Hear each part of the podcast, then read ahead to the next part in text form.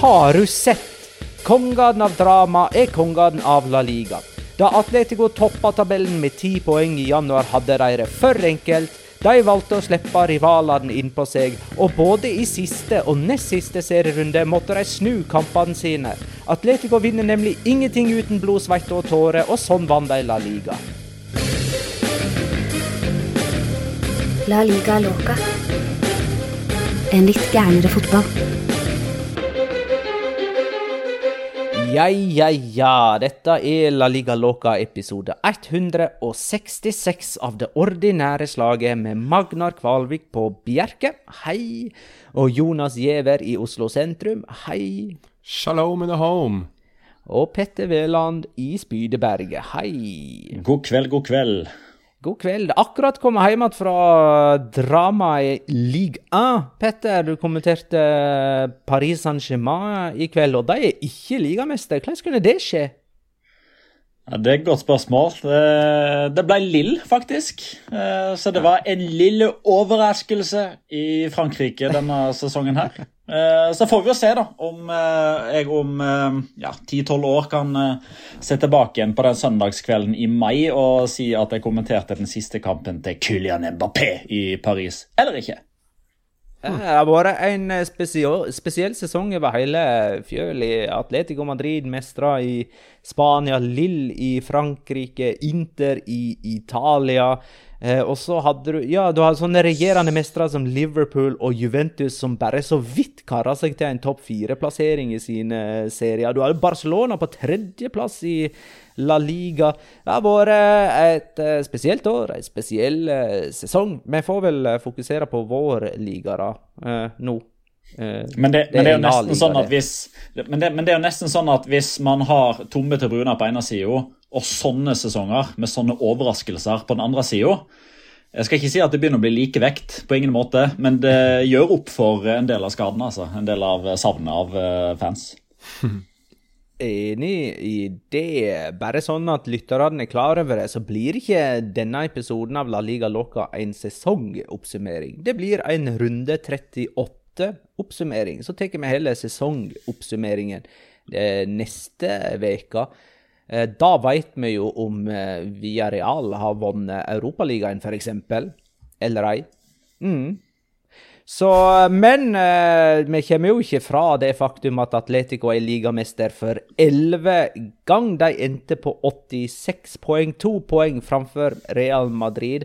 Eh, Atletico hadde alt i egne hender i siste serierunde. Om de slo Valladolid borte, hadde det ingenting å si hvordan Real Madrid gjorde det. Men om Real Madrid vant sin kamp mot Villarreal, var kun seier godt nok for Atletico. Og til pause så lå faktisk begge disse titteljagende lagene under. Valladolid tok ledelsen mot Atletico i det 18., og to minutter senere skåra Villarreal mot Real Madrid. Så etter halvtimen spilt i de sju kampene som gikk samtidig lørdag ettermiddag, hadde to lag skåra. Det var Villarreal borte mot Real Madrid og Valladolid hjemme mot Atletico. Eh, og I forrige episode så spurte jeg dere uh, hvem av oss som egentlig trodde at Atletico skulle klare å snu oppgjøret mot Osasona etter at Bodimir hadde skåra for dem kvarteret før slutt i den kampen. Vel, hvem av oss trodde de skulle klare å snu oppgjøret mot Valladolid etter at Oscar Plano skåra i det 19. minuttet? Altså hvis, hvis Petter nå ikke sier at han hadde trodd det, med tanke på hvor mye han hater Sergio Gonzales, så øh, blir jeg veldig overraska, Petter. Ja, Der sa du det for meg. Da slapp jeg å gjøre det. Takk skal du ha. takk skal du ha, takk skal du ha. Vær så god. Vær så god. Ja, men Petter var jo inne på at uh, i forrige episode da, at uh, det er jo et eller annet utrolig, et eller annet umulig som skal skje i siste serierunde. F.eks. at Versaljiko skårer fra egen banehalvdel og avgjør La Liga til fordel for Atletico. Nå var ikke det akkurat det som skjedde, men det, det var nå noe sånn her eh, Han fikk jo ikke muligheten! Nei, ikke sant? Nei, Det som heller skjedde, var jo at uh, Oscar Plano fikk løpe fra egen eh, Eller fra Atletico Madrids ba eller egen banehalvdel over til Atletico Madrids banehalvdel uten en eneste forsvarer i nærheten. Så sånn banehalvdelsmessig så hadde jo Petter i hvert fall riktig sånn sett, da. Ja, for det som var litt moro med Atletico Valladolid, eller omvendt, da, Valladolid Atletico Madrid, det var jo at begge lag egentlig måtte vinne. Altså I teorien så kunne Atletico klare seg med uavgjort dersom Real Madrid avga poeng mot Villarreal, men det kunne de jo ikke gå ut ifra. Og Valladolid måtte vinne sin kamp for å overleve La Liga, og var jo samtidig avhengig av andre resultat. Så Valladolid tok jo ledelsen på en Atletico Madrid-corner, faktisk. De kontra jo inn etter en mislykka Atletico-corner. Pet angrep, da? Ja, det var det. Eh, spesielt den eh, layoffen til Tony Villa, var det vel. Og så eh, Marcos André som, eh, som, spiller gjennom. Eh, jeg kommer sikkert til det seinere, men la meg bare få puste ut på vegne av en hel fotballverden. Sergio Gonzales er ferdig i Valladolid. Sånn, Vi trenger ikke snakke noe mer om det.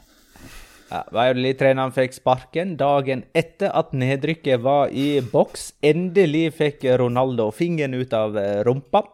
Og så får vi jo se da om uh, Valladolid tar veien eh, opp igjen. Det var Angel det er, litt som å, det, er litt, det er litt som å kaste kjerringa ut etter at hun har vært utro.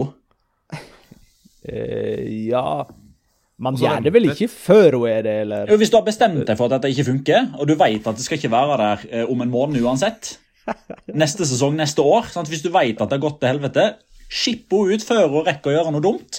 Nå gjorde Sergio noe dumt. Han rykka ned parterapeut Petter Wæland der, altså. OK uh, mm -hmm.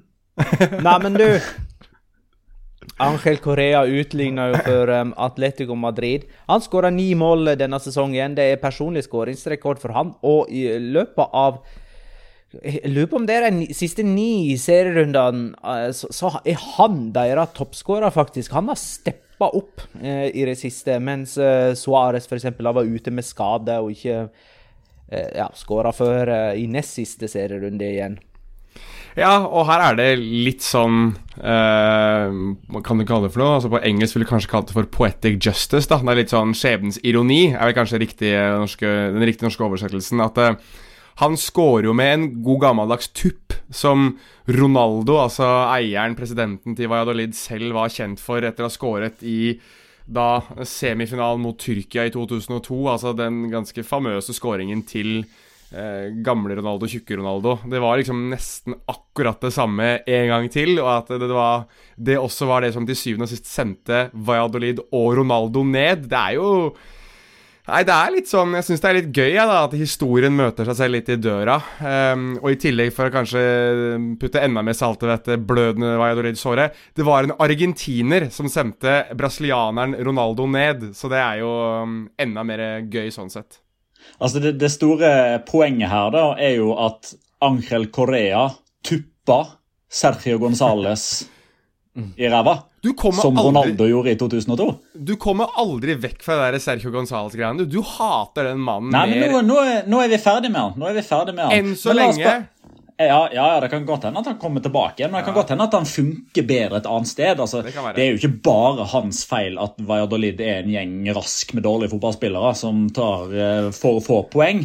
Uh, men Ronaldo skulle jo ha vist litt mer uh, handlingskraft her, når han ser at nesten alle andre lagene rundt gjør noe, og det funker.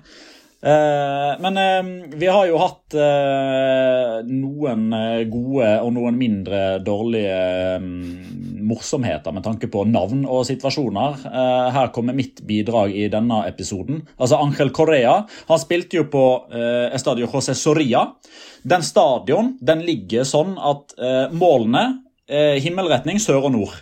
Så Korea skårer jo da. Men, men ble han matchvinner for Nord-Korea eller Sør-Korea? Heldigvis, heldigvis Sør-Korea. Ja. Den er god. Luis Suárez uh, ble vel egentlig matchvinner her, da, siden det var han som skåra 2-1-målet. Han har skåra 21 mål denne sesongen, uh, og de skåringene har betydd 21 poeng for eh, Atletico Madrid. Eh, han har skåra de mest avgjørende målene i hele denne sesongen. De mest betydningsfulle målene i denne sesongen. Han tok sin femte La Liga-tittel på sine sju sesonger i Spania. Han har fire for Barcelona og én for Atletico Madrid. Og vi kommer jo egentlig bare tilbake igjen til, til det der. Altså, jeg tror det var mm, skal vi se Ja, Anders M. Berg eh, spør jo hvordan vil vi vil rangere eh, overgangen Suárez til Atletico Madrid blant liksom overganger mellom rivaler, sånn rent historisk. Altså hva, hva Skal man ta liksom ha hadde Figo-overgangen fra Barcelona til Real Madrid det samme utslagseffekten som det eh, Suárez fra Barcelona til Atletico, f.eks.? Det er et veldig godt spørsmål, og jeg tror at uh, den fremste overgangen, sånn uten at de skal bli helt historieløse eller gå for langt tilbake i historien nå, egentlig, Eh, det vil vel de aller fleste si at det er Michael Laudrup som gikk fra Barcelona til Real Madrid. At den hadde så enormt mye å si da det skjedde. Altså Bokstavelig talt. Barcelona vant 5-0 over Real Madrid med Michael Laudrup. Og så gikk Laudrup til Real Madrid, og da vant Real Madrid 5-0 over Barcelona. Altså bare sånn rent Det er ene og alene kanskje den største overgangen de to mellom litt sånn i nyere tid. Og så har du åpenbart Luis Figo, eh, som var katalysatoren for hele Galacticos-æraen til, til, Real Madrid. Og så tror jeg, altså I den tid da Atletico Madrid har blitt en av de tre store, så Og vi skal regne de i samme kategori som Real Madrid og Barcelona, rettmessig sådan, så, så har jeg den som nummer tre.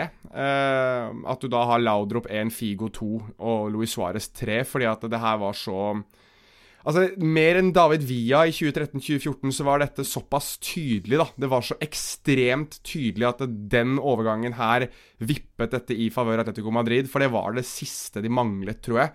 Å ha en spiss som, som leverte 20 mål. Uh, egentlig nesten litt sånn på bestilling, da, selv om det åpenbart kom litt seint i de, de, siste skåringene til Suárez. Så, så, ja, nei. Jeg, eh, jeg har den som nummer tre, og så kan godt Petter rette meg hvis det er noe jeg mangler her nå.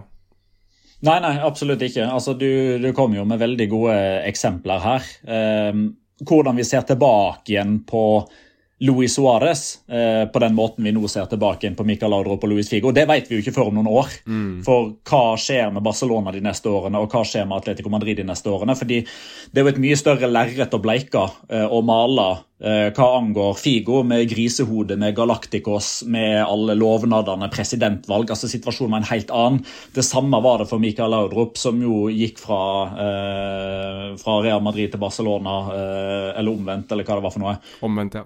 Ja, omvendt. Eh, men, men, det var mer en sånn Akkurat der og da så var ikke den overgangen så enorm i seg sjøl som f.eks. Louis Figo var. Eh, og det var heller ikke så mye eh, intriger og dramatikk og tårer og jeg håper å si, handlingsmåte som det var med Louis Suárez. Men sånn akkurat her og nå, da Det vi har å måle Louis Suárez-overgangen på, er jo denne ene sesongen. Og denne ene sesongen sliter jeg med å finne andre eksempler som overgår. Så rent konkret at Barcelona mister Luis Suárez og hans skåringer og hans bidrag. Han går til en direkte rival, og hans skåringer og hans bidrag gjør at Atletico Madrid vinner serien. Akkurat den sliter jeg med å, eh, å finne noe som overgår i den ene enkeltsesongen.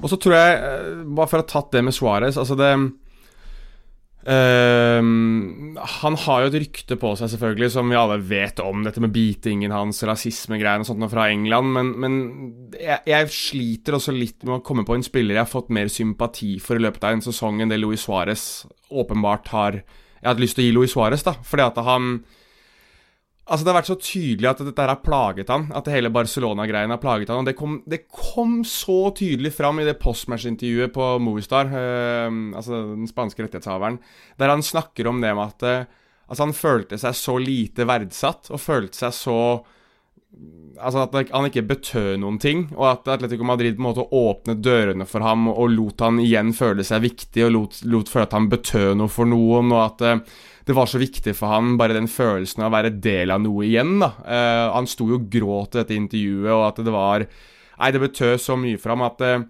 det var et seriegull som liksom hadde en helt annen feeling enn kanskje alle de andre med Barcelona, og det Nei, det, det, det gjør at uh, som Jeg er helt enig med deg, Petter, at isolert sett så, så tror jeg dette her er et av de, et av de større seriegullene individuelt for en spiller det blir jo så veldig målbart da når liksom at eh, Barcelona forrige sesong med Suárez endte tolv poeng framfor Atletico Madrid, mens Atletico med Suárez enda ni poeng framfor Barcelona.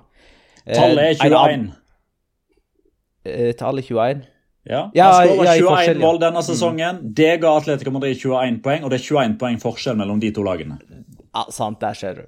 Så målbart er det faktisk. Det er bare å legge sammen tallene. Eh, og forrige sesong så var jo òg eh, Atletico Madrid 17 poeng bak serievinner Real Madrid. Det er jo et vanvittig sprang de har gjort, og Ole Aasheim spør jo Det er han, sant? Ja. Eh, om eh, hvordan vi liksom rangerer disse to siste serietitlene til Atletico Madrid. da, 13-14-tittelen mot uh, denne tittelen i 2020-2021, eh, Petter. Ja, jeg, jeg syns den er ganske klar, egentlig. Uh, I favør 2013-2014. Det, det, det var det største. Altså, uh, altså For å ta det åpenbare, da. da hadde de gått 18 år uten trofeer. Nå har de gått eh, sju år uten trofé. så ventetida var lenger.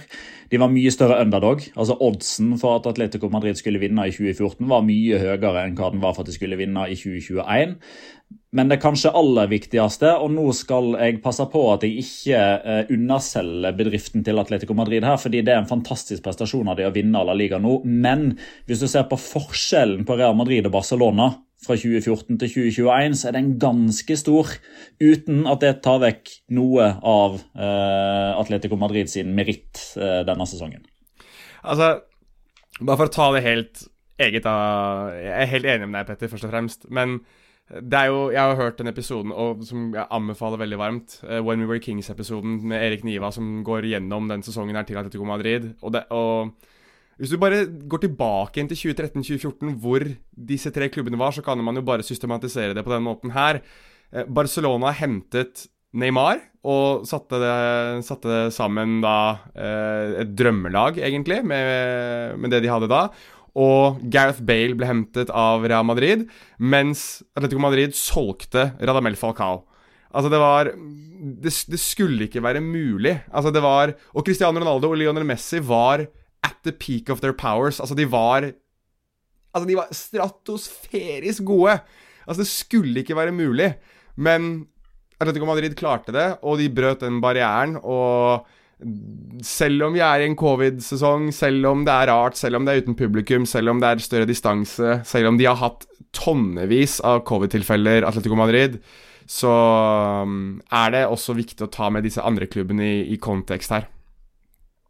Eh, igjen så kan dette måles rent eh, matematisk, eh, selvfølgelig. Eh, jeg nevnte vel at Atletico endte 17 poeng bak seriemester Real Madrid forrige sesong, og to poeng framfor nå, da. Mens i eh, 2012-2013-sesongen så endte de jo 24 poeng bak eh, seriemester eh, Real Madrid. Det er unnskyld, Barcelona den gangen.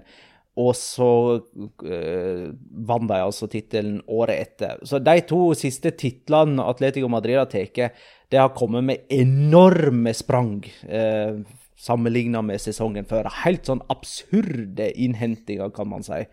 Eh, Jan Oblak eh, vant sin første liga, La Liga-tittel. Det er litt spesielt at en av verdens beste keepere bare hadde et Europaliga-trofé å vise til før dette her. Han har liksom ikke vunnet noe særlig stort, og så fikk han nå endelig serietittelen. Han kom jo til Atletico Madrid sesongen etter at de vant La Liga sist. Han kom i 2014. Ja, det er jo utrolig fortjent. Og apropos sånne målbare parametere. Altså det, det eneste som Atletico Madrid har gjort bedre denne sesongen, sammenlignet med 2013-2014, er jo at de har sluppet inn færre mål. Eh, altså I eh, 2013-2014 så vant de flere kamper, de tok flere poeng, de skåra flere mål. Men da hadde de 26 baklengs med Thibaut Courtois. Denne sesongen så har de 25 baklengs med Jan Oblak. Eh, og så er ikke dette her nødvendigvis så målbart, dette er jo subjektivt. Men hvis du sammenligner de spillerne som er i Forsvaret nå, sammenlignet med de som var i Forsvaret da, spesielt når du ser det i retrospekt, altså Filipe Luis, Juan Fran Torres, eh, Diego Godin eh, og Juan Miranda altså det er jo, eh, altså Wanda Metropolitano sin betong er jo bygd av DNA-et til den forsvarsfireren der. Ja. og Så hadde han Ja, er det, riktig, er det riktig å si da, Petter, at det som ligger igjen av uh, Av uh, Å, herregud, hjelp meg. Ramón Vicente Calderón. Vicente Calderón. Jeg må si Ramón Calderón, men det er en helt annen person. Vicente Calderón. uh, at det da er bygget på Hva da, Filipe Nei, det er på Renan Lodi og uh, Simen Versalik Arena. Ok, ja, greit. Da er vi enige. Uh, Jan Oblak, i alle fall før siste runde så hadde han flest redninger av alle i La Liga. Uh, og det som uansett er sant, er at han har flest uh, smultringer, færrest baklengsmål og er ligamester. Han, han, har jo faktisk flest redninger av alle keepere, og det for serievinneren, liksom. Altså, det er jo ikke sånn at serievinneren har eh, ikke har sluppet motstanderne til sjanser. De har fått mange sjanser, motstanderne til Atletico Madrid, men Oblak har stått der. Ja, og jeg syns det ble ganske tydelig hvor viktig han har blitt for Atletico Madrid. Altså, Jeg vet ikke om noen så Jeg syns det var litt gøy, da. Det var noen som var kritiske til det, men um, Atletico Madrid-spilleren løper ut på parkeringsplassen etter kampen utenfor José Soria for å feire med supporterne. Altså litt sånn i disse covid-tider så var kanskje ikke det så lurt, men, men samtidig Det var jo Ja, Magnar? Det, det, det, var jo fordi at det sto tusenvis av Atletico Madrid-supportere ja, utafor José Soria, eh, og for å lage lyd som de håpte skulle nå inn på stadion under kampen. Stemmer. Og de hadde jo tatt, uh, tatt turen, og det var, uh, det var, litt kult å se de videoene i forkant av det, når de liksom reiste i hopetall for å stå utenfor stadion. Men uh, da var det jo Supporterne reiste jo Jan Oblak på gullstol, og det er jo en ganske sånn kul video som ligger ute på, på Twitter, der liksom de kaster Jan Oblak opp og ned, supporterne, og han liksom ser ut som en konge blant dem, og det er jo, det er jo også det som er riktig. Altså, Jan Oblak er jo Burde jo være båret på gullstol av samtlige Atletico Madrid-supportere og egentlig spillere, og spesielt det å være porøse forsvaret som Petter var litt inne på her nå. I hvert fall par av de er ganske porøse, nesten bokstavelig innimellom òg. I hvert fall i forhold med tanke på Simen Versjalko, som strengt tatt er laget av kjeks. Eh, men, eh, men nei, altså Jan Oblak denne sesongen har vært, eh, vært helt enorm, og, og, og det å det å bygge et seriegull litt på det at du har én katalysator helt foran Elois Suárez og én katalysator helt bakerst i Jan Oblak, er ganske, er ganske banebrytende på en måte òg, da, tenker jeg. Ja, det er viktige spillere. Gudleik Knotten uh, gir oss en quiz. Uh, hvordan tre spillere har vunnet La Liga både i 13-14 og i 2021? Kåke er iallfall én. Mm -hmm. altså, tre stykker da som var der i 2013-2014? Er Kåke en? Ja, det være, da. Uh, Diego Costa. Ja. Blir han, blir han, seriemester nå denne gangen her? Ja, ja, ja. ja. Han gjør det. Okay. Sju, kamper og to mål. Til og med Thomas var... Partey blir eh, seriemester. Det var jo eh, Det var han jeg sleit med av disse tre. Eh, for jeg hadde helt glemt at Diego Costa faktisk var med i første halvdel av sesongen for Atletico. Men ja, de har svart Kåke og Costa. Og Partey? Nei. Nei, det var bare et uh, eksempel på Ok, ja, ok, ok. ok, ok. Jeg trodde, det, det men, Han mente han var borte før Nei, altså, vi, vi, Hvis det holder med én kamp, og det er jo ganske sikker på at det holder så altså, José Maria Jiménez debuterte jo den sesongen. Man fikk jo bare én eller to kamper, tror jeg. Altså, Sau det... var jo leid ut, så det er jo ikke han. Nei, Nei det, er, det er Jiménez. Det er det, ja. Ok. Ja, nei. jeg, bare, jeg, skal bare nett dobbeltsjekke partiet her, for uh, han var jo faktisk Atletico-spiller, han nå i 13-14, men han var utlånt til Mallorca den sesongen. Ja, stemmer. stemmer. Uh, den, den, hadde ikke jeg kommet på, uh, men så var det jo heller ikke riktig. det er jo, det er, hvis vi skal ta sånne ting, så vil jeg jo da nesten også ta med at jeg, synes, jeg, er jo en som syns det er gøy med nasjoner som da får sin første La Liga-vinner. og Litt vondt som for alle som er glad i Valencia, men altså, Den sentralafrikanske republikk har jo da fått sin første seriemester i form av Joffrey Kondogbia. Så det er jo litt sånn Hvis man ser tilbake på nasjoner som har vunnet ligaer altså Den sentralafrikanske republikk har nå faktisk en La Liga-mester. Det er jo litt gøy, da. Hm. De har én mer enn Norge, de, da. Nei, det har de ikke. Norge har jo en Har ikke Norge Jon Carew, da? Var ikke han med å vinne et seriegull? Eller var det cupgull? Nei, det ja, ble han seriemester. Jeg tror Jon Carew ja, Jon Carew har vel ett seriegull med Valencia, har han ikke det? Jeg vet Han spilte Champions League-finale og skåra i Jo, han var, nei, men han var utlånt til Roma i ja. 03-04. Ja, kanskje jeg bommer her nå. Det kan godt være at jeg bommer. Jeg nei, de vant eh, 2001-2002. Ja. Han var jo med i 2002 òg. Ja, ja, ja. ja, ja. Oi, oi, oi. Det var litt pinlig. Ja, ja, ja, men gratulerer til Jon Carew da, med La Liga-mesterskap Altså, og allting. både Valencia og Varg. Og i tillegg, og i tillegg skal han spille Benny Olsen-banden. Alt går hans vei. Tror ikke jeg han vant ligaen med Varg, faktisk. Ja. Men eh, for å ta, altså, vi har snakka veldig mye om likhetene da, mellom eh, 2013-2014 og 2020-2021. Men jeg syns òg at det er tre litt sånn markante forskjeller som, som kanskje går litt på det samme. Og det er jo det at eh, jeg husker så godt at når vi hadde eh, La Liga-studio på Det var vel 17. mai, var det ikke det, Magna? Du kommenterte. Eh, Meg og Anne Sture og Bengt Eriksen var i studio. Det var da det. brukte Bengt da brukte Bengt Eriksen et begrep som jeg synes var så å si, morsomt og treffende. Altså, han kalte Atletico Madrid-spillerne for grevlinger. Eh, Fordi de var altså Han har jo sin årsak til å, å bruke det uttrykket, men det jeg setter det i sammenheng med, da, at det liksom, de er vanskelig å møte, de er en pest og en plage. Du vil egentlig ikke ha de rundt deg. og på det tidspunktet der så hadde du jo noe som ble kalt altså Du har cholismo, som liksom er Cholo er kallenavnet til Diego Simione. Det liksom, det er hans måte å praktisere fotballen på som trener. Eh, og av den så ble jo òg onoterismoen født, altså en nullisme. Altså, da ble det liksom sagt at skåra Atletico Madrid 1-0, så ble det 1-0. Da trengte de ikke gjøre noe mer pga. denne defensive eh, statistikken. her. Denne sesongen så vant Atletico Madrid 1-0 kun fire ganger. Kun fire ganger. Fire av 38, så det, det er borte.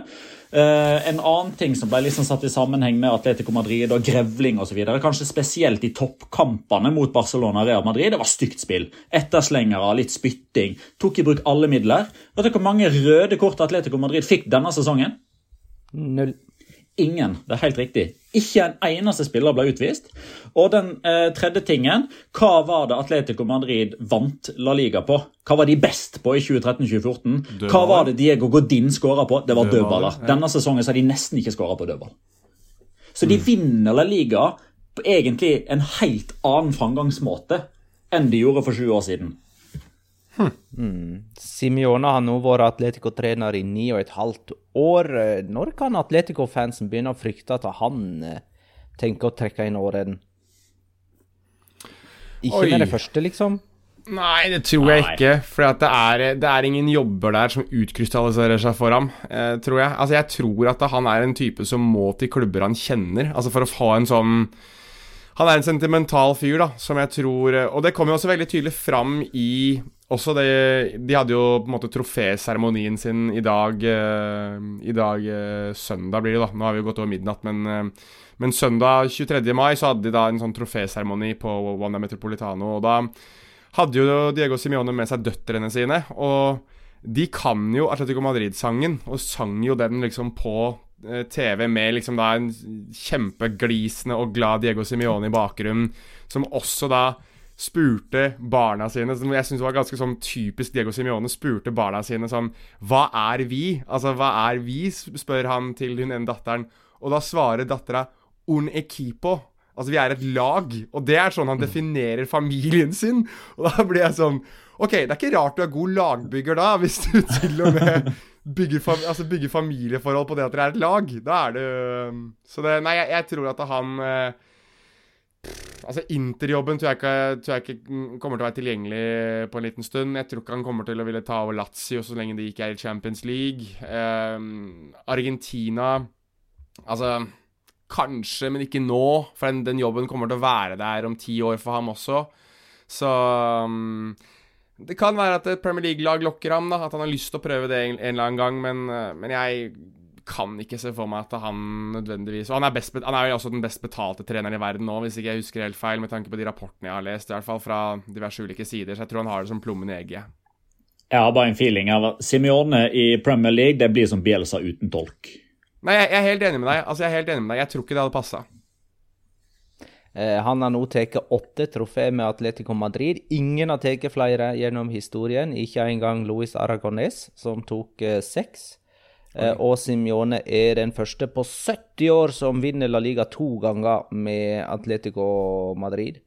Eh, på hans ni fulle sesonger så har Atletico vært det laget som har sluppet inn minst mål i sju av dem. Vi gratulerer Atletico Madrid som seriemester. Real Madrid avslutter denne sesongen med 18 strake seriekamper uten tap. Mm, dette er jo ikke en akseptabel sesong selvfølgelig for Real Madrid, når de ikke vinner noe som helst. Det er første gangen det skjer på elleve år, så der har man perspektivet på det. da. Men i en sesong uten forsvar, uten backup på spissplass, uten stadion, Eh, og med ei skadeliste som ikke ligner grisen, seks ulike reservelagsspillere som debuterer gjennom sesongen, så er det egentlig er ikke det sterkt, sånn tross alt, det de har prestert. Jeg ser hvor du vil hen. Jeg gjør det. Eh, og så vil sikkert eh, noen Real Madrid-supportere òg legge til et punkt der som har med eh, dommere å gjøre. Uh, så kan vi ta den diskusjonen denne gangen òg. Uh, men da har vi nevnt det i hvert fall. Um, det kom jo rapporter uh, Det kom jo tidligere i kveld, eller i går da, for deg, kjære lytter, uh, fra Fredrik Ermel, uh, som jo um, blir kalt den journalisten som er tettest på Zidane, eller som i alle fall har vist seg å kunne veldig mye om Zidane. Har jobba med han med ei bok for noen år tilbake igjen òg.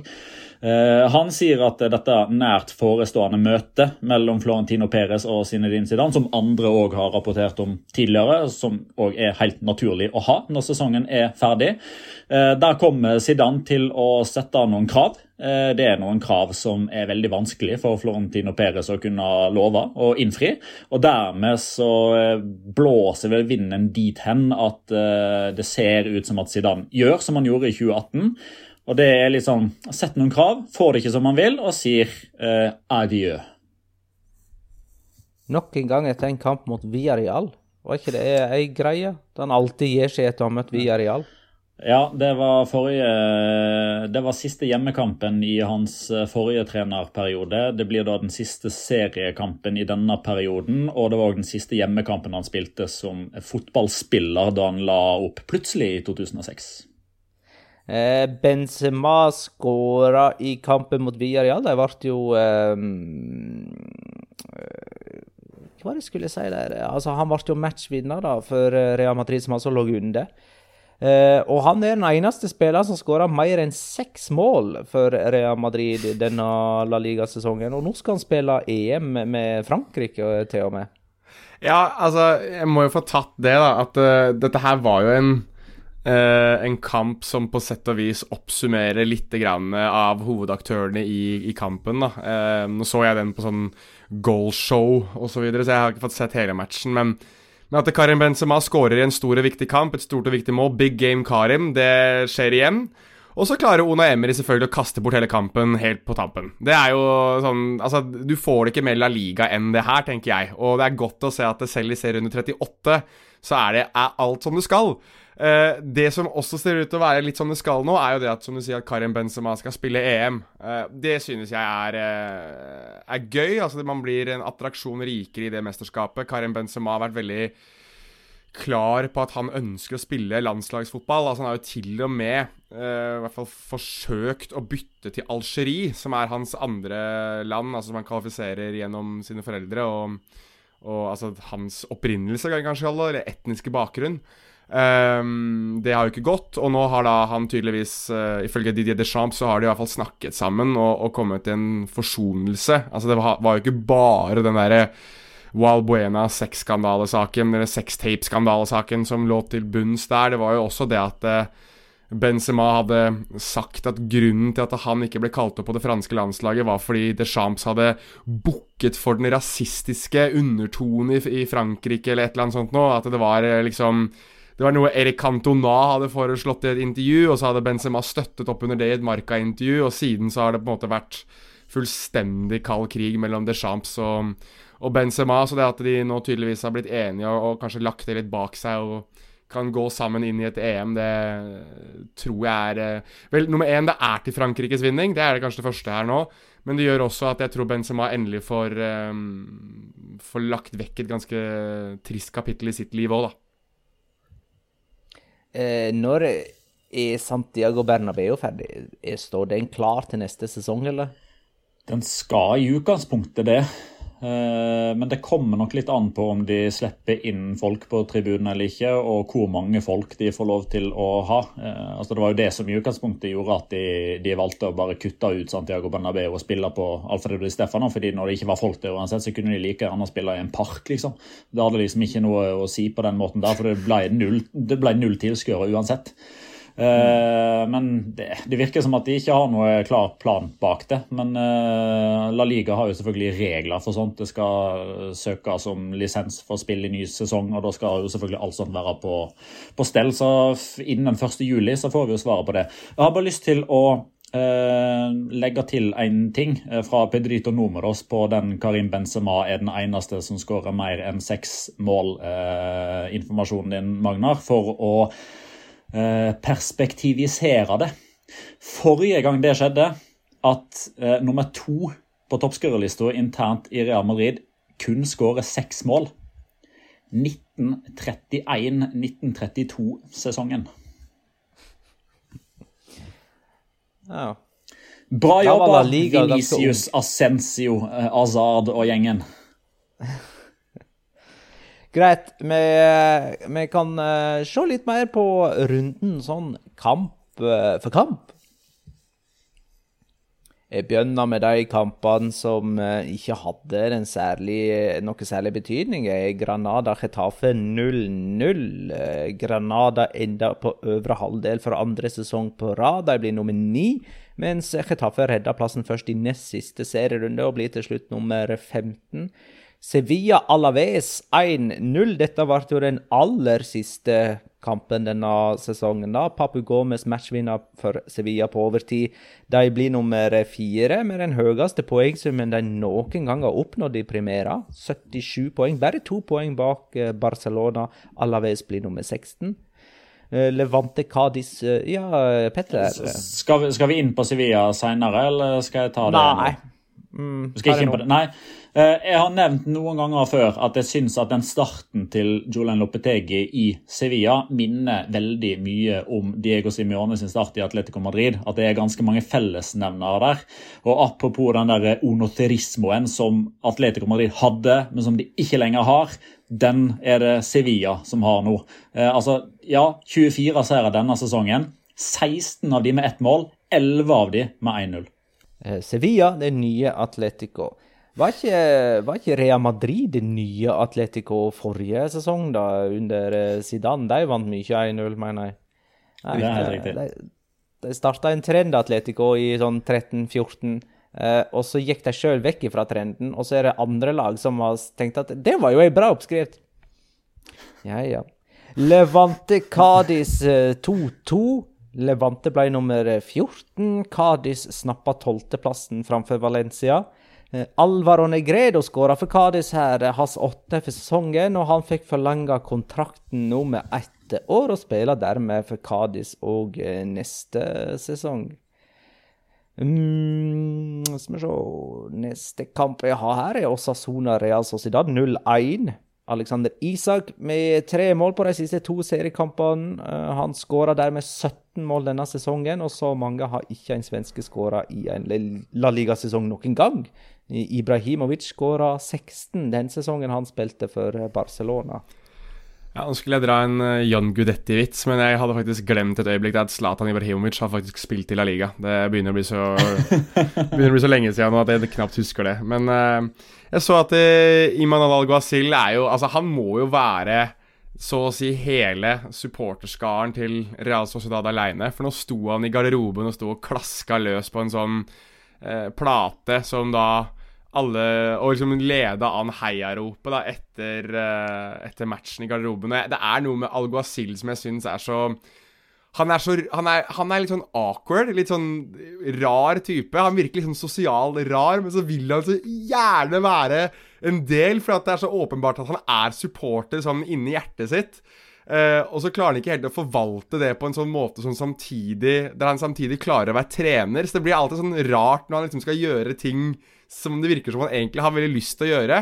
Og her er det, her er det en blant annet at han står liksom og holder den derre eh, plata som han står og slår i, da. Og så slår han for hardt i den plata så den smeller i bakken, så han liksom plukker den opp igjen og begynner på nytt igjen og sånn. Det er Nei, det er helt fantastisk. Hvis noen klarer å finne den videoen, jeg tror det er AS eller Marka som har den liggende ute, der han igjen Ligger på Twitter-kontoen til Real Sociedad. Han gjør det, ja. Ok, ja, men Mm. Må man se. Den er helt fantastisk. Og det er jo da eh, igjen en sånn derre Kall det sånn encore til, eh, til den derre han, Da han står og hyler og skriker med skjerf og drakt på etter at de vant Copa del Rey, og som også er bare helt enormt Ja, for det, klipp. for det som skjedde på, eh, på lørdag, er jo bare Det er jo det nest beste klippet av Algo Ja, ja, ja, ja. Herregud. Den her er jo den er jo Altså, det er så fantastisk. Jeg elsker Imonal Alguacil, men jeg gjør det mest fordi at han er så Han er så weird, og det er så gøy å se.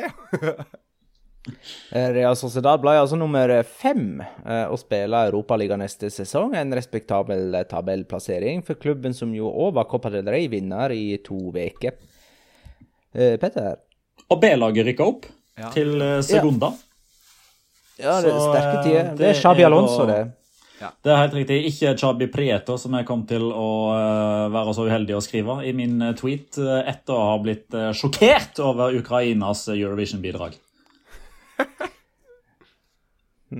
Multitasking der, altså. Eurovision og um, fotball-tvitring Det, kom, samtidig. det, kom, det, det kommer mer Eurovision seinere. Gjør det det, altså? Ja, ja, ja. Det En er aldri så, så liten populært. Eurovision Nokora! Oh, Ja, selvfølgelig. Det er så mange som kjører sånn her statistikk på sånn Eurovision-vinner. Hysj nå! Hysj nå! Hysj med deg. Det kommer seinere. Kommer seinere. Celta Vigo, Real Betis 2-3. Her leder Celta Vigo 2-0. Betis snudde det og sikra seg dermed europaligaspill med en eh, sjetteplass. Ingen uh, dårlig debut, altså første sesong i Betis for eh, Pellegrini det. Og her er vi igjen da, en sånn kamp der liksom Nabil Feker er bare Ja, ja, han er bare så god, han. Han bare bestemmer seg for å være så god. Altså, det frisparket hans er Nei, det er så, det er så verdensklasse, da. Og jeg Det er veldig mange ganger der jeg Når jeg kun sett oppsummeringen av den kampen her og sett noen av detaljene hans og ting han gjør, og jeg blir liksom tenkende sånn Faen, Abel Faker er god, ass. Sånn, i, I de kampene her så er det, det er så, Og det er igjen da for å snakke om ting som er gøy. Altså, Det er så gøy når Nabil Faker har lyst til å spille fotball, og har lyst til å liksom prestere og være den spilleren han egentlig er, da. Og i den kampen her så fikk han jo åpenbart en utfordring som gjorde at han hadde lyst til å spille fotball, og da bare er det sånn Nei, det er bare Nei. Jeg klarer bare å ende opp med hver gang jeg ser Nabil Faker holde på sånn, så sitter jeg og tenker Faen, du er så god, du. Du er så jævlig Og- god. Og hvis noen lurer på hvor godt det franske landslaget er Han er ikke med i den franske landslagstroppen som skal spille EM. Han er Nei, fy faen, Nabil Faker er god, altså. Når han vil. Elche Athletic 2-0. Lucas Boye og Raúl Guti med skåringer for Elche, som sikra plassen i La Liga med denne seieren. De enda på 17.-plass, da. To poeng over Uesca, som rykka ned. Og er det ikke skjebnens ironi at de overlever i siste runde samme sesong som Eibar endelig rykker ned? At Elche faktisk blir værende? Så får vi nå se da om de klarer å holde det rent på kontorene de neste ukene. slik at ikke det kommer. Stoler du på Christian Bagranik?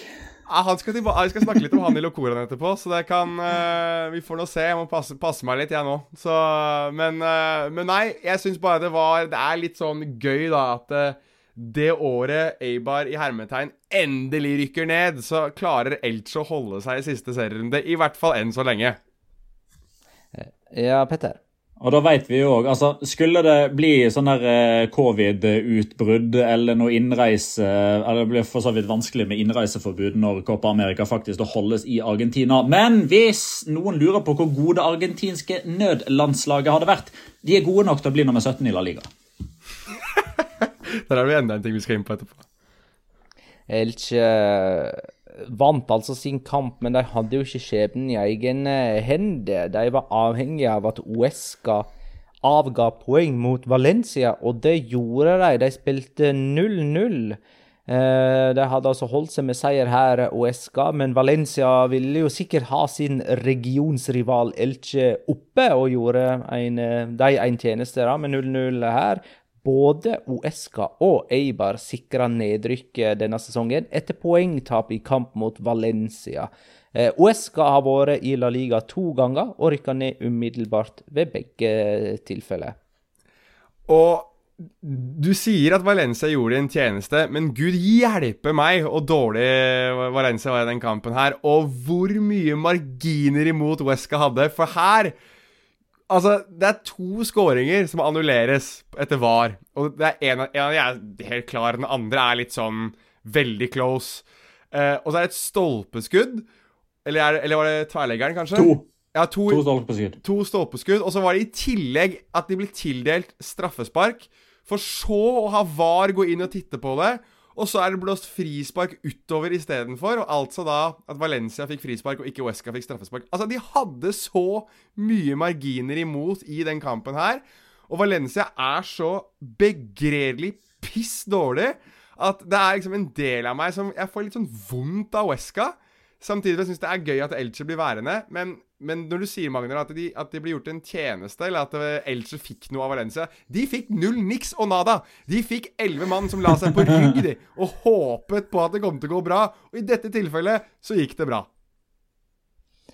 Alright, og så eh, kan vi jo Vi har jo snakka om Valladolid Atletico 1-2. Vi må jo nevne da at uh, Atletico Nei, unnskyld, Valladolid uh, rykka ned. Dette var deres dårligste La Liga-sesong i historien, med bare fem seire. Og Sergio Gonzales fikk altså sparken etter at dette nedrykket var i boks.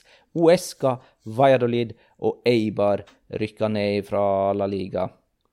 Men hvis du er inne på dårligste sesonger noensinne, så er vel dette Bare for å ta Valencia og kvittere de helt ut Dette her er vel den dårligste sesongen deres også, vel, eh, siden de sist gang rykket opp til La Liga. Altså, de har jo vært i La Liga ganske lenge nå. Og siden de rykket opp igjen, eller var en del av La Liga i, i altså Primera Divisjon, så er dette den dårligste sesongen deres noensinne. Både poengmessig og tabellmessig.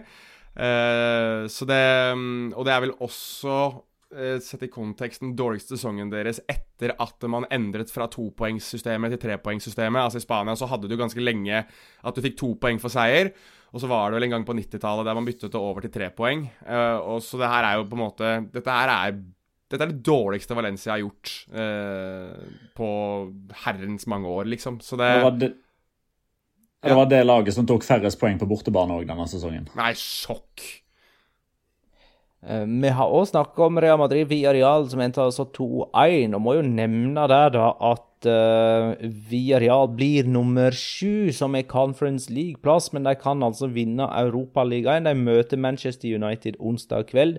De ender med 58 poeng denne sesongen under Unai Emery. Det er to poeng mindre enn forrige sesong under Javi Calleja. Men ja, ja, de kan jo vinne et eh, trofé. Det er den største kampen i klubbens historie, det, Petter, det som kommer på onsdag. Ja, Uh, det er det. Uh, og så kan man sikkert argumentere for at uh, bortekampen mot Compostela i mai 98 var viktigere med tanke på at de vant den og dermed rykka opp til La Liga for aller første gang. Og hadde de ikke gjort det, så er ikke det sikkert hadde vært en La en gang. Men eh, en Europa League-finale er det vanskelig å eh, måle lengde på. Ja, Vi har jo òg en Champions League-semifinale fra 2006, eh, som sitter litt i sjela etter at Rikelme bomma på den avgjørende straffen der mot Arsenal. Men kanskje en bedre skjebne denne gangen, da. Vi får se. Eh, Den siste kampen vi ikke har snakka om nå, det er Eibar Barcelona 0-1, der Antoine Griezmann ble matchvinner for Barcelona, som var spikra på tredjeplass allerede før kampen. Eh, Eller ja, ja, de Nei. kunne jo faktisk ha blitt nummer fire, når jeg tenker meg om. Så det var jo egentlig eh, De redda tredjeplassen med seier her. Eh, De toppa ikke tabellen på et eneste tidspunkt gjennom hele sesongen. De kan trøste seg med at de ble det mest skårende laget. Det er sjette sesongen på rad. Hvor stor blir renovasjonen i Barcelona, som det er snakk om nå?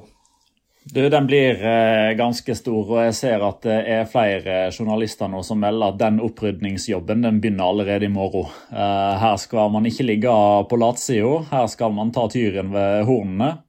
Uh, og så kommer det jo til å bli en enormt sånn egentlig kaotisk og uoversiktlig sommer på generelt grunnlag. For det, altså, bare i Spania da, så vil jo to av de store dynamittene de skal jo liksom endre på alt samtidig. Uh, man vet ikke om det er Zidane som skal trene Real Madrid, man vet ikke om det er Ronald Coman som skal trene uh, Barcelona. Sergio Ramos er på utgående kontrakt, Lionel Messi er på utgående kontrakt, og da har vi egentlig bare tatt de viktigste. Eh, og så har man jo stallfylle, som man gjerne vil få bort for en OK sum for å kunne finansiere litt større signeringer. Eh, så har vi David Alaba, som har vært klar for Real Madrid uten å bli helt klar for Real Madrid i veldig lang tid. Og nå er Sergio Aguero og Eric Garcia klar for Barcelona uten at de er offisielt klar for Barcelona. Eh, og så skal Joan Laporta og, og gjengen nå ha én-til-én-samtaler med stort sett hele troppen for å vite om de er eh, klare for å gå ned i lønn igjen hvis det viser seg at pandemien eh, blir varende over sesongen, som gjør at òg kommende sesong blir ramma av publikums, eh, altså tapende publikumsinntekter osv. Og, og svaret på det spørsmålet, ja, jeg er villig til å gå ned i lønn, eller nei, jeg er villig til å gå ned i lønn, blir gjerne en faktor som bestemmer om den spilleren er til salgs eller ikke. Så lykke til! Trond Eltervold lurer på når vi kan forvente en avklaring rundt Messi. Etter sesongen er jo det man har sagt, da. Og nå er jo sesongen ferdig, så nå er det vel bare å vente. Um, og så tror jeg det du venter på, er at det for å, for å, ta det sånn, da. Altså, jeg, jeg, kan ikke forestille meg et scenario der Sergio Aguero signerer for Barcelona og Lionel Messi drar. Jeg, jeg, kan, jeg, kan, ikke se for meg Jeg tror det er liksom den, den, klareste indikasjonen. For de er så gode venner. De har kjent hverandre siden de var tenåringer. Jeg kan ikke forestille meg at Aguero engang hadde lyst til å dra til Barcelona og liksom bli erstatteren til Messi, i det at han egentlig da hadde blitt ansett som en sånn First Price-utgave av det Eh, Barcelona har hatt i, i, over, eh, i over, et tiår. Så det at, det at, Aguero signerer for Barcelona, tror jeg er en indikasjon på at eh, her skal man hente et par av gutta til Messi. Her skal Messi få på plass noe av de han liker. Og Steven Silden lurer på om Filipe Coutinho-situasjonen. Veit vi noe der, egentlig? Han har vært skada ganske lenge, men det er jo eh, Nå vet jeg ikke om det ligger 100% sannhet i det, eller om det er noen som har tatt seg litt kunstneriske friheter i sannhetsbeskrivelsen. Men det er jo noen som sier at den skaden til Coutinho ikke har vært på langt nær så alvorlig som man har sagt at den er. Men det er rett og slett det at hadde Coutinho spilt, jeg eh, lurer på om det er bare én kamp tillegg, Eh, så hadde, det, så hadde, han kommet opp på et nivå som gjorde at da måtte eh, Barcelona betale Liverpool enda mer penger. Pga. Av avtale for at de skulle få så og så mye penger hvis han spilte så og så mange kamper osv. Han er altså, har vært eh, for Barcelona ubrukelig i ganske lang tid. Han er åpenbart ikke en del av de lange planene. og Uh, ja, at han nå har fått uh, Han har jo til og med vært i uh, Han har ikke vært i USA ganske lenge nå og pleid denne skaden sin. Altså Han har jo ikke vært en del av fotballklubb Barcelona på hva er det, et halvt år? Ja, jeg, jeg vil stille spørsmålet, for at det, noen kommer til å gjøre det. Og jeg syns det her er litt sånn intriguing. Men hvem har vært mest ubrukelig, Petter, og Magnar for så vidt òg? Eder Azad i Real Madrid eller Coutinho i Barcelona? Petter? Uh, Eden Hazard. Magnar? Ja, jeg sier òg Eden Hazard, men det er bare fordi at han har liksom kommet tilbake, vært ubrukelig, blitt skada. Kommet tilbake, vært ubrukelig, blitt skada. Altså, Coutinho han har i det minste bare holdt seg helt i skyggen og ikke gitt forhåpninger om å løfte klubben engang. Ja. Men så skal vi jo heller ikke glemme da, at eh, det, altså, Coutinho har tross alt skåra 23 mål og hatt 19 målgivende på 90 kamper. Altså, det, er, det er tall som er ok, spesielt hvis du sammenligner det da med Eden Hazard, som har uh, spilt noe nå for Real Madrid i løpet av to, uh, to sesonger. Så han har spilt 43 kamper og skåra fem mål, og så har han noen assist i tillegg. Altså, Han blekner i forhold. Ja, OK, da, da runder vi Da skårer vi rundens spiller. Vi skal ikke runde av helt enda. Jeg har egentlig ikke oversikt over rangering her. Jeg sier at min spiller er nummer tre. Og det er Angel Correa, som eh, da han utligna for Atletico Madrid, eh, dribla av eh, ja, i alle fall to Valladolid-spillere før han tuppa ballen mellom føttene på den tredje. Og den skåringen der den endra jo hele kampbildet i Valladolid Atletico, for på det tidspunktet så leda altså Valladolid 1-0 og kunne da forsvare seg. Mens 1-1 det var ikke godt nok for Valladolid, da måtte de fram og skåre. Uh, og det åpna jo opp for uh, Luis Suárez bare få minutter senere. Så en uh, Kanskje den viktigste skåringen i siste serierunde, Angel Correa. Nummer to Alexander Isak velger jeg. Ikke nødvendigvis fordi han var sånn kjempegod i den kampen her, men rett og slett fordi jeg mener at han Eh, han fortjener litt eh, honnør eh, på tampen av sesongen. her. Vi har jo nevnt han iblant, både under oppsummering kamp for kamp ganske jevnlig, fordi han har vært på skåringsliste osv. Men 17 mål, altså. Gutten er 21 år gammel. Det er veldig sterke tall. Du nevnte det tidligere, Magna. Han er den mestskårende svensken i en La Liga-sesong noensinne. Og Zlatan er blant utvalget der, og dette var Zlatan i sin prime. Eh, riktignok ikke i sin beste sesong, eh, av forskjellige årsaker. Men eh, jeg syns Alexander Isak ser fryktelig fryktelig spennende ut.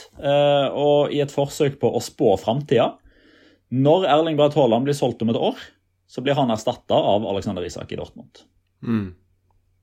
Da er nummer én det er en spiller som berga laget sitt fra nedrykk, eller? Det er det. Uh, vi er jo, altså Når du bærer navnet Raoul Goti, så er det jo en del forventninger da, til at du skal være litt sånn ekstravagant. og eh, Raoul Goti vartet jo opp med kanskje det mest ekstravagante øyeblikket til siste serierunde, da de trengte det som mest. Eh, fra rundt 20 meter så vender han opp og hamrer ballen forbi eh, landslagskeeper Unai Simon. Eh, sikrer at Elche kan ta enda en sesong i, eh, i Primera Divisjon. Um, Riktignok med, med at Wesca hadde marginer imot i sin kamp, men, men at den skåringen der blir stående igjen som det som berget en ny sesong for Elche, det syns jeg er et verdig punktum for, uh, for det som har vært en, en topsy-turvy sesong for Elche, må vi kalle det. Um, Raoul Guti han topper to uh, statistikker. Den ene er objektiv, og den andre er subjektiv. Altså Han topper jo kult navn-statistikken. Altså Legg til at han heter, altså han heter Raúl Gutierrez Parejo eh, i tillegg, sånn, så har du den tredje der òg. Men Så det var en uh, objektiv uh, Ja, det, det Nja. Uh, I La Liga denne sesongen her så er det delt ut 1706 kort. 1706. Raúl Guti er den eneste som har fått gult kort for å feire med fansen. Hei! Og det fikk han på lørdag. Den er fin, da. Ja, for det var sånn eh, Hvor mange var det? 500? 5000. 5000 på mm. uh, Elche Athletic. Ja. Uh, da er det tid for Locora! Ukens La Liga Locura. Locura. Locura. Locura. La Liga Locura.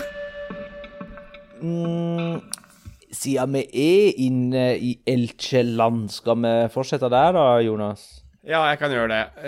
Um, Petter var inne på det med at uh, Elche er jo liksom en sånn Kall det en argentinsk konklave nå. Altså Det er så mye argentinere der at de Altså, det er uh, holdt på å si det er eh, Parisias hver eneste dag og, og tangomusikk til langt utpå natt. Men, men eh, jeg vet ikke om noen fikk det med seg, men uh, de gjorde jo det mest argentinske du kan gjøre, egentlig, på Twitter i disse dager. Da de hadde sikret seg um, seriegullet, så laget de en sånn uh, Har dere sett den der videoen av den der bussen som kjører uh, sånn, Det ser ut som mm. sånn modda GTA-greie, hvor de driver og kjører rundt. jo, men det er jo sånn i jeg vet ikke om det var Grand Theft Auto, men det er jo sånn i, i, det spillet at du kan liksom bare ta en buss eller en bil eller et tog og liksom bare kjøre hvor hen som helst. Ja. Men det er vanskeligere å manøvrere en buss enn en bil. Og det er noen som sliter med å manøvrere den Elche-bussen i dette tilfellet. Men de holder seg på veien, og det er det Ja. som er greia. De holder seg på veien, og så ser du at i, altså det er en stor Elche-logo på denne bussen, som da kjører rundt omkring på en eller annen fjelltopp, virker det som, og så er de på vei mot La Liga, som er i, er i horisonten der. Men det som er gøy, er at eh, musikken i bakgrunnen er en, eh, en veldig kjent sånn fotballchant av eh, supporterne til klubben som heter All Boys. Ikke Old Boys, men All Boys i Argentina, som har vært et litt sånn jojo-lag som har gått opp og ned mellom divisjonene. Og eh, altså, sangen deres er jo eh, Otra vez en primera van a ver a papá. Og så kan Petter oversette det. Altså, Enda en gang i premiera. Nå skal vi se enten pappa eller paven. Spørs hvordan Ja. du oversetter det. da. Pappa er jo på en måte I Argentina så er jo det på en måte uh, Yo soy tu papá. Altså, jeg er sjefen, på en måte. Altså, her, her kommer sjefen på ny. Og det er liksom det, og det er det som synges Det er ene delen av det som synges i den chanten. Og det er så typisk Argentina. Og altså, Elche gjør sitt for å være argentinafisert. Og i forlengelsen av dette I forlengelsen av dette så vil jeg bare få tatt det med Christian Bragarnik, eh, eieren av Elche, er jo veldig kjent for å ikke like media. Eh, ikke ville snakke med media, i veldig sjelden intervju.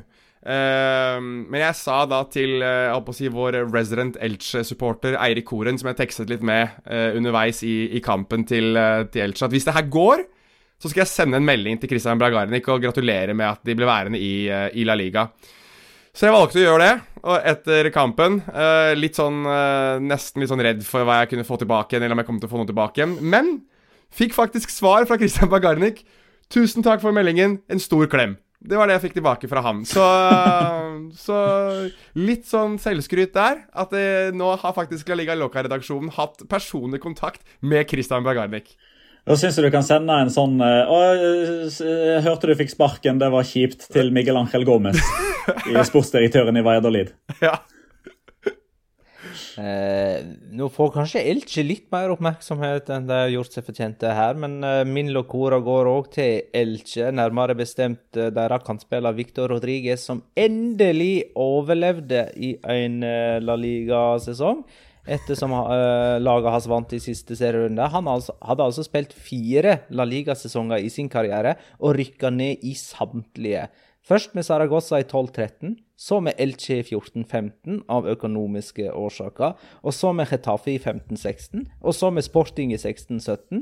Og så reiste han til MLS og Seattle Sounders i en liga der det ikke går an å rykke ned. Eh, og så overlevde han altså endelig med Elche denne sesongen eh, her. Han fikk 14 innhopp og starta to seriekamper. Så gratulerer til Victor Rodriges. Petter? Eh, ja, uh, her kommer Eurovision, så her må folket bare skru av eh, hvis de er sånne som ikke liker det. Uh, men tallkombinasjoner og hvem som vinner hva osv. Uh, fryktelig god nyhet for de som tror på sånt, og som ønsker at Spania skal vinne EM nå i sommer. For i 1964 da vant Italia Eurovision, og Spania vant EM. I 1968 så vant Spania Eurovision, og Italia vant EM. Og i 2021 altså da, så har nå Italia vunnet Eurovision, og da kommer jo Spania til å vinne EM. Men locoraen, locoraen, det er Og for de som ikke husker hvordan alle fire i dette måneskinn-bandet til Italia ser ut altså Jeg regner med at folk husker hvordan vokalisten ser ut eh, etter at han har blitt beskyldt både for det ene og det andre eh, etter en seanse som kanskje ikke skulle blitt vist på TV. Alle husker nok hvordan han ser ut, men sjekk opp eh, han eh, som eh, spiller gitar eller bass eller hva det er for noe. Eh, gitar. Altså, gitar. Sjekk opp gitaristen, og så søker du opp La Liga-dommer Ricardo de Burgos Bengoechea. Da får du deg et sjokk, altså. ja, jeg ser det nå. det Dette, dette, dette er locora i seg sjøl. Jonas anerkjenner min lookalike. Ja, jeg ser den. Den er, eh, den er faktisk ganske sterk. Jeg er med deg. Det er veldig mange dårlige lookalikes Petter har vist meg før. Det, men, da, men da vil jeg også ha respons på min. Eh, vokalisten til Island og Ulrik Saltnes. Det er sant. Ja, Det, det nevnte jeg faktisk for uh, fruen underveis. ja, det er Ulrik Saltnes. Uh, vi kan jo avslutte tippekonkurransen uh, vår. Ja, vær så snill. Vår, eh, vår siste kamp ble altså Valladolid Atletico Madrid. Den endte 1-2 med Oscar Plano som første målskårer. Jeg hadde 1-2 med Korea som første målskårer. Oh, ikke langt unna full pott. Nei, det var nære. Nei, gi deg fire. Du får fire. Ja, jeg har ja uansett, eller i alle fall minst eh, 31 poeng å vinne årets konkurranse. Det tror jeg er andre året på rad, faktisk. Eh, Petter hadde 0-2 med Marcos Llorente som første målskårer. Det gir ett poeng, og du har 27. Jonas, du taper. Uh, Du hadde 0-1 med Suárez som første målskårer. Det gir ett poeng, og du har 13. Vi forventer ikke at du skal gjennomføre den straffen du enda ikke har fått for dette nederlaget her. Ja, men noen Nå må, jo, bare- noen må jo komme med et forslag jeg kan gjennomføre. Altså, jeg har Og det er viktig å påpeke at jeg har fysisk gått til leger og spesialister på trening og alt mulig for å få sjekka hamstringene mine. Ja, ja, ja, ja. Jeg, har brukt Eh, penger på å prøve å gjennomføre det her, for å si det sånn. Hvis vi gir deg eteoppgaver, eteoppgave, da Ja. Du må ete to liter is på en halvtime. Det klarer du.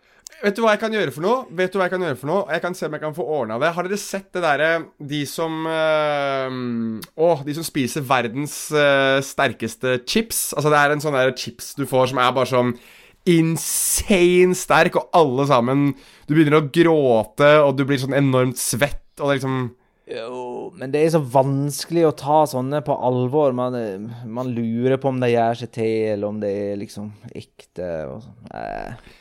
Eh, Mens du mener at det, liksom sånn, du, mens du mener at Det blir som Jackass-opplegg. to liter Så du skal sitte og Hvordan skal vi bevise at jeg spiser to liter is på en halvtime? Det er jo, det er jo lørdag for meg, det. Ja. Det Men eh, kan er ikke du, kan ikke du eh, sende en melding til Borja Iglesias eller noe sånt, og spør om du kan få den pandamaska, så kan du spise den på ei seng av glasskår? Ok, så du har, du har lyst til at La Liga Loca skal ikke, Jeg skal ikke være en del av det at neste år er det så ille, det her? Vi, vi prøver med sånne eh, lytterting. Kan lytterne gi oss forslag også? Ja, men noe spisegreier er jeg med på. Jeg, jeg døtta andre rare ting i kjeften min, så det går helt fint. Jeg er med på, er med på det. Men eh, da er vi tilbake neste uke, da, og da er vel det en helt vanlig mandag. Det er ikke andre pinsedag eller 17. mai neste mandag, er det det? Da kan man liksom Det tror jeg ikke. Så summerer vi opp eh, sesongen grundigere. Vi sier det så. Tusen takk for alle innspill og spørsmål vi har fått til denne episoden. Tusen takk for at du lytta, kjære lytter. Ha det, da.